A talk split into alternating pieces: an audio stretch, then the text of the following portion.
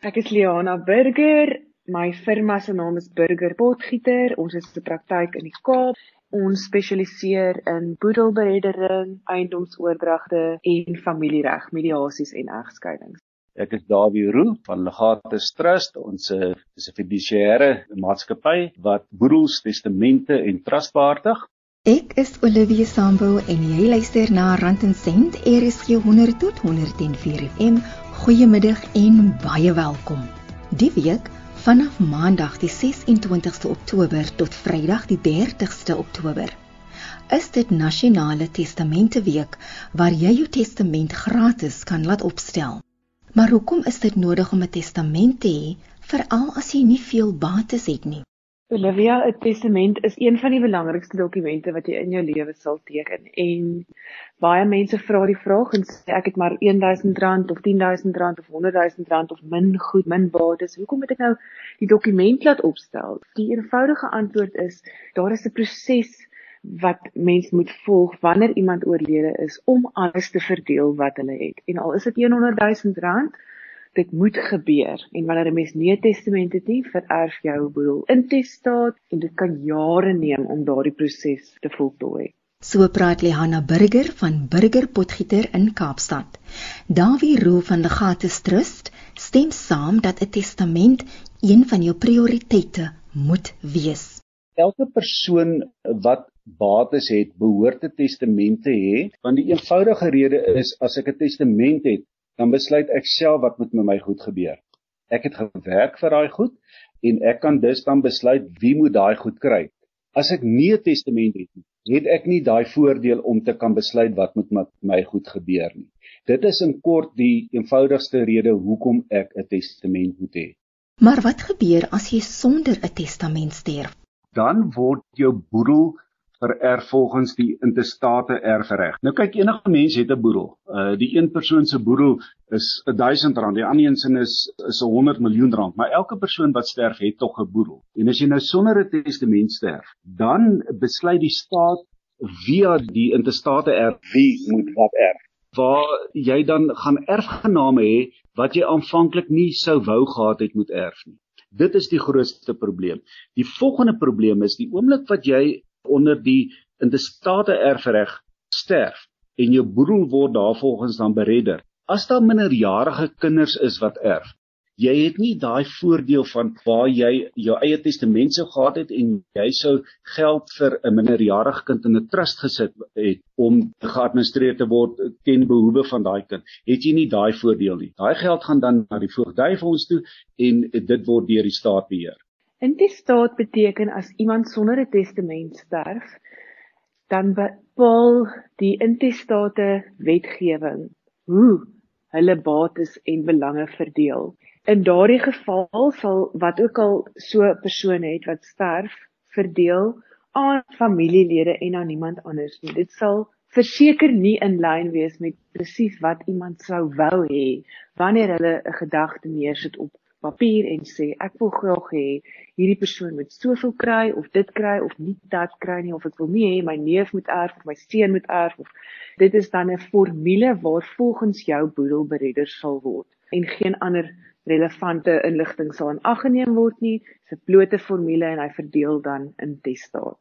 Dan is daar nog ander redes hoekom 'n testament so noodsaaklik is Die eerste rede Olivia is dat niemand eintlik verantwoordelikheid neem vir hierdie proses soos wanneer jy 'n testament het en 'n eksekuteur aanstel nie.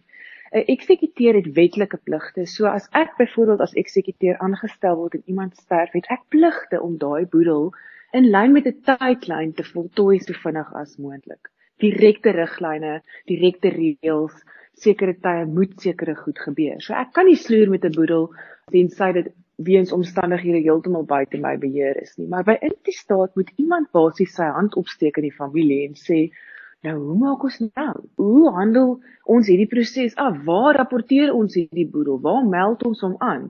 Wie wil die eksekuteur wees? As niemand wil nie, het jy probleme.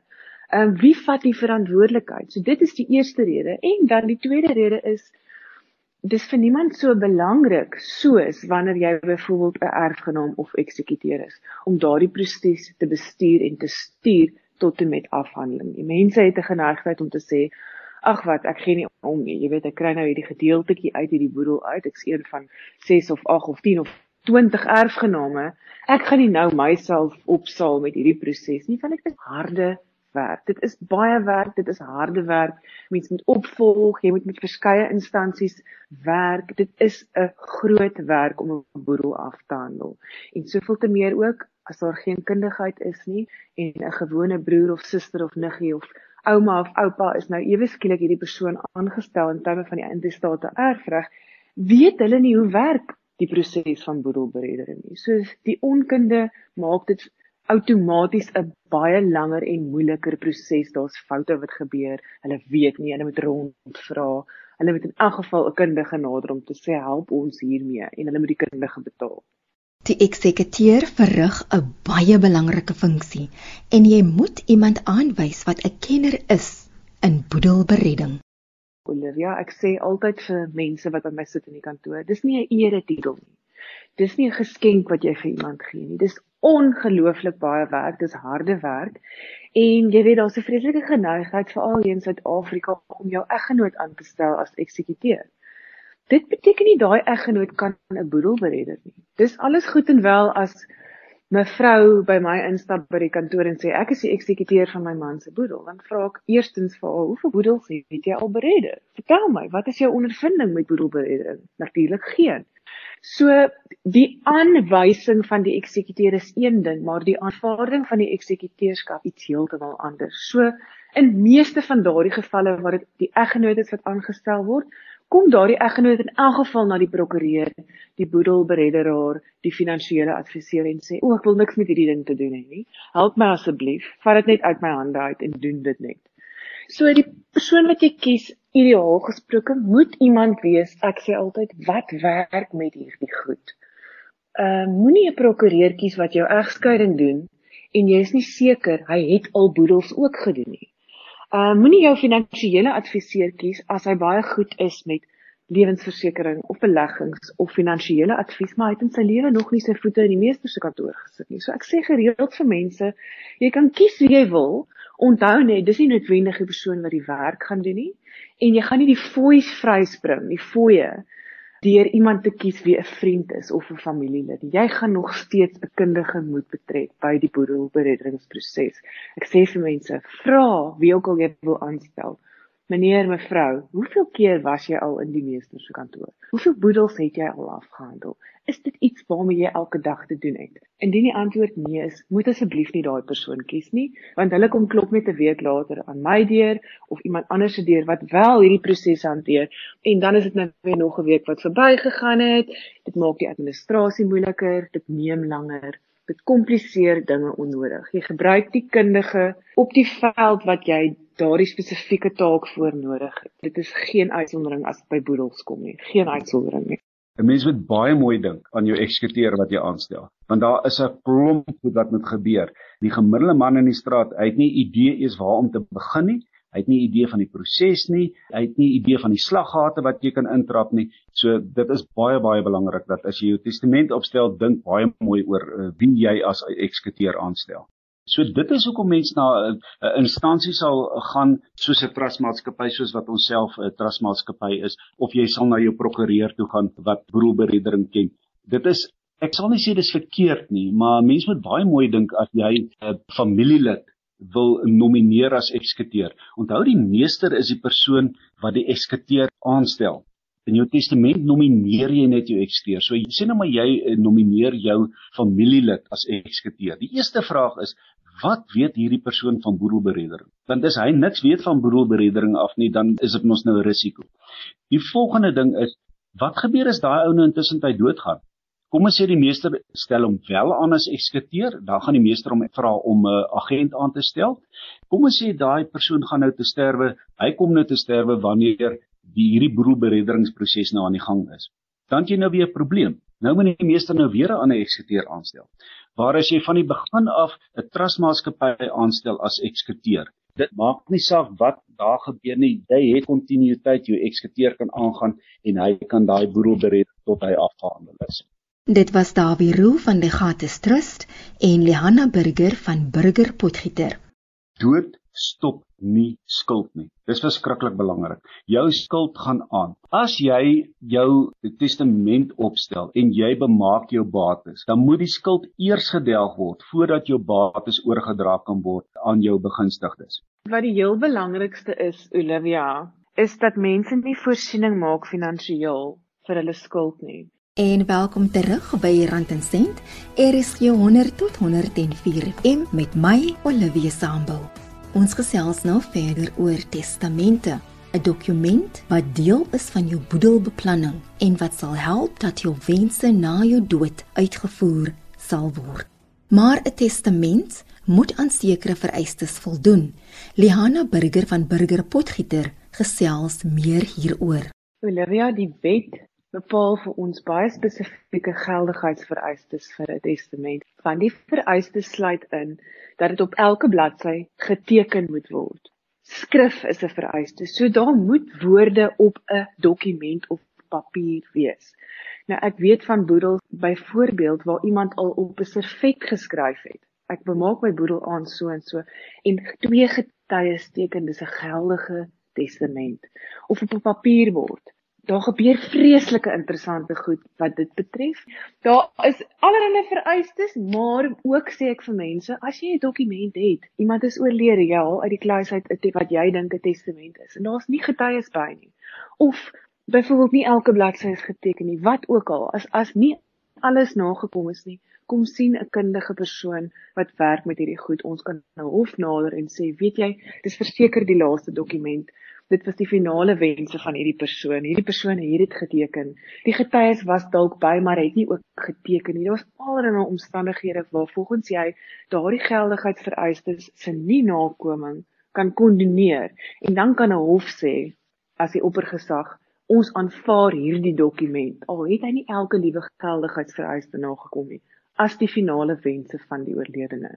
Dawie Roo van die Gates Trust sê ook dat daar verskillende faktore in ag geneem moet word wanneer jy jou testament opstel. Daar's twee goed wat ons na moet kyk. 'n uh, Testament moet geldig wees, maar hy moet ook prakties uitvoerbaar wees. Hy moet op skrif wees. Dis die eerste ding. Dan die tweede ding is die persoon wat daai testament maak moet ten minste 16 jaar oud wees en hy moet weet wat hy doen. Met ander woorde, hy moet verstandelik in 'n posisie wees dat hy verstaan wat hy doen. Dan moet daai testament, hy moet geteken wees deur die testateur en deur twee getuies in mekaar se teenwoordigheid. Jy moet 'n eksekuteur nomineer testament. Jou mense wat jy gaan benoem om te erf, moet duidelik identifiseerbaar wees. So jy gaan nie byvoorbeeld sê ek wil maar 10000 rand aan Jan nie. Jy gaan sê ek bemaak 10000 rand aan my neef Jan Poggenpoel, dit is sy ID-nommer of sy geboortedatum. So hy moet identifiseerbaar wees. Dis verskriklik belangrik dat hy prakties uitvoerbaar is. Boonbehalwe die feit dat hy moet geldig wees, moet hy prakties uitvoerbaar wees. Maar wat beteken prakties uitvoerbaar? Jy gaan byvoorbeeld nie in jou testament sê ek bemaak my motorvoertuig aan my kind wat 2 jaar oud is. Jy gaan nie sê ek bemaak my vuurwapen aan my kleinseun wat 8 jaar oud is nie. Sulke goed wat prakties onuitvoerbaar is, waar jy sê ek bemaak my besigheid aan my kleinkind wat 3 jaar oud is. Dit maak net nie sin om dit so om te doen nie. So die die praktiese uitvoerbaarheid is mens moet gaan sit en jy moet kyk jou testament, dit wat ek in my testament gedoen wil hê, is dit prakties om dit te doen? Is dit uitvoerbaar om dit te doen? Maak dit sin? So ou moet eintlik maar nou net daar gaan sit en jy moet lekker rustig daaroor sit en dink is dit wat ek wil doen is dit prakties uitvoerbaar. Dit neem soms jare om 'n boedel af te handel en die vertragings kan aan verskeie faktore toegeskryf word. Die hoofoorsaak sal wees as daar te min fondse in die boedel is. Ons noem dit 'n kontanttekort. Is daar te min fondse in daai boedel is? Die eksekuteur het nie geld in die boedel om te kan adverteer nie. Hy het nie geld om die meester te betaal nie. Hy het nie geld om die oordragprokureur te betaal nie. Hy het nie geld om die SARS uitstaande SARS te betaal nie. Dit is die grootste probleem in boedels waar daar vertragings is, is 'n kontanttekort. Die volgende ding is as daar uitstaande SARS betalings is, die oorledene het dalk 'n probleem met SARS gehad en daar's gewellige agterstallige rekenings wat betaal moet word. Of SARS gee nie sy uitklaringssertifikaat nie. Want die eksekuteur kan nie sy boedel afhandel voordat SARS uitklaringssertifikaat vir hom gee wat die eksekuteur nou weer aan die meester moet voorsien die ander ding is twis tussen erfgename. Dit is erfgename nou nie lekker kan ooreenkom nie en jy het onnodige twis tussen erfgename. Dit kan vertragings wees. Dan die ander ding is is daar nie dokumentasie is nie of die dokumentasie is verlore. Jy kyk na goed soos huwelikskontrakte, afbetalingsooreenkomste, egskeidingsooreenkomste, titelaktes, voertuigsertifikate. Daai klas goed. Jy weet jy hoeveel keer gebeur dit by ons dat 'n persoon is geskei en dan die nuwe vrou het geen idee waar 'n egskeiingsooreenkoms is nie. Nou is die man dood. Dit kan 'n geweldige probleem wees in 'n boedel. So dit is deel van die proses om te sê okay goed ek moet my goed agter mekaar kry dat ek al hierdie hierdie dinge bymekaar het. So as ek nou doodgaan laat ten minste my vrou weet dan maar waar al hierdie goed is. Dan die ander ding is jou oponthoude jy kan 'n oponthou kry by 'n instelling soos die meesterskantoor of soos by die agterkantoor of soos nou met COVID by die banke of enige instelling. Is daar agterstand by daai instelling is het dit 'n ripple effek op jou boedelbereddingsproses dan die ander ding is natuurlik as die persoon onnatuurlik gesterf het en daar's 'n geregtelike ondersoek. Dit kan 'n geweldige vertraging ook veroorsaak in die boedelse proses. En dan natuurlik die ander ding is erfgename wat nie kan opgespoor word nie. Nog 'n rede vir vertragings is dat mense nie genoeg voorsiening maak vir hulle skuld nie. En ek kan nie genoeg sê hoe belangrik dit is om met 'n finansiële adviseur ook te werk deur die proses van jou boedelbeplanning nie. Ek meen ons het nie die kennis wat hulle het oor wat daai al daai kostes is wat nodig is nie. Jy weet, skuld, skuld is 'n verskriklike ding in Suid-Afrika. amper elke liewe boedel is daar nie genoeg geld om alles te betaal nie of mense het gedagtes oor goed waarvoor hulle nie voorsiening maak nie. En ek wil weer die voorbeeld gebruik van die persoon wat byvoorbeeld eiendomme los vir mense, maar dan is daar skuld oor daai eiendomme. Nou jy kan nie 'n duur eiendom vir iemand los met die skuld daarvan en jy weet daai persoon sal nie die paemente kan betaal wat vereis word vir so 'n eiendom. Dit is 'n onpraktiese bepaling. So dis hoekom dit so belangrik is om te sit om 'n tafel en te sê wat het jy regtig? Jy weet, wat bemaak jy werklik hier? Of bemaak jy 'n klomp skuld aan jou familie of aan jou kinders? Net so wanneer 'n boedel ordentlik gedoen word, dit is die grootste plesier om daarmee te werk want jy weet hier is beplanning in. Hier het 'n finansiële ou inligting gegee vir hierdie testateur en voorsiening gemaak vir boedelbelasting. As jy 'n groot boedel het en jy moet miljoene rande betaal aan boedelbelasting en jy het nie voorsiening gemaak daarvoor nie, dan kom dit op die ount uit die erfgename se erflatings. Dis so maklik so dit kom van nêrens anders af nie. So mens kan net werk met wat jy het en dan wat jy nodig het as jy sou sterf. Koste en boedelbelasting gewys baie belangrik. Daar is een goue reël wat sê dood stop nie skuld nie. Dis verskriklik belangrik. Jou skuld gaan aan. As jy jou testament opstel en jy bemaak jou bates, dan moet die skuld eers gedelg word voordat jou bates oorgedra kan word aan jou begunstigdes. Jy moet voorsiening maak dat daai skuld afbetaal kan word. En dan is dit ook natuurlik nou een van die goed wat in 'n boedel gebeur waar jy vertragings kry in 'n boedel is as daar nie genoeg geld in daai boedel is om daai skulde te betaal nie. En die eksekuteur kan ook nie besluit watter skuld wil hy betaal en watter wil hy nie betaal nie. Hy moet al die laste, al die skuld in die boedel eers betaal voordat hy kan bates oordra. Is daar enige iets wat jy kan doen om te probeer verseker dat die boedel vinniger beredder word? Soveel as moontlik inligting. Die eksekuteur is absoluut afhanklik van inligting van die oorledene. Onthou dat die eksekuteur weet bitter min van daai persoon wat oorlede is. So hy het inligting nodig om die bates en die laste te administreer want in 'n neutedop is die kern van die eksekuteur se pligte is om die laste te betaal en die bates dan te verdeel volgens die testament. So om dit te kan doen, het hy inligting nodig. So hy moet weet ten tye van wat die persoon nou oorlede is, wat was sy bates? Wat was sy laste? Het hy ooreenkomste gehad? Was daar vorige dispute? Is daar hofsaake? En was die man dalk voorheen geskei dat uh, daar een of ander ding in daai egskeiingsooreenkoms is wat nog nie nagekom is nie. So inligting, inligting, inligting. Dit is van kardinale belang veral by die aanvang vir 'n boedel, want hoe meer inligting die die eksekuteur het, hoe vinniger kan hy die proses laat loop. Dit was Dawie Roo van die Gates Trust en ek het ook gesels met Lihana Burger van Burger Potgieter. Ek groet tot volgende week. Die program word weer Woensdagoggend om 04:30 uitgesaai. Dis tot sins van my Olivia Sambo hier op Rand en Sent. Is 100 tot 104 FM en onthou, die week vanaf Maandag die 26ste tot Vrydag die 30ste kan jy jou testament gratis laat opstel by sekere prokureurs reg oor Suid-Afrika.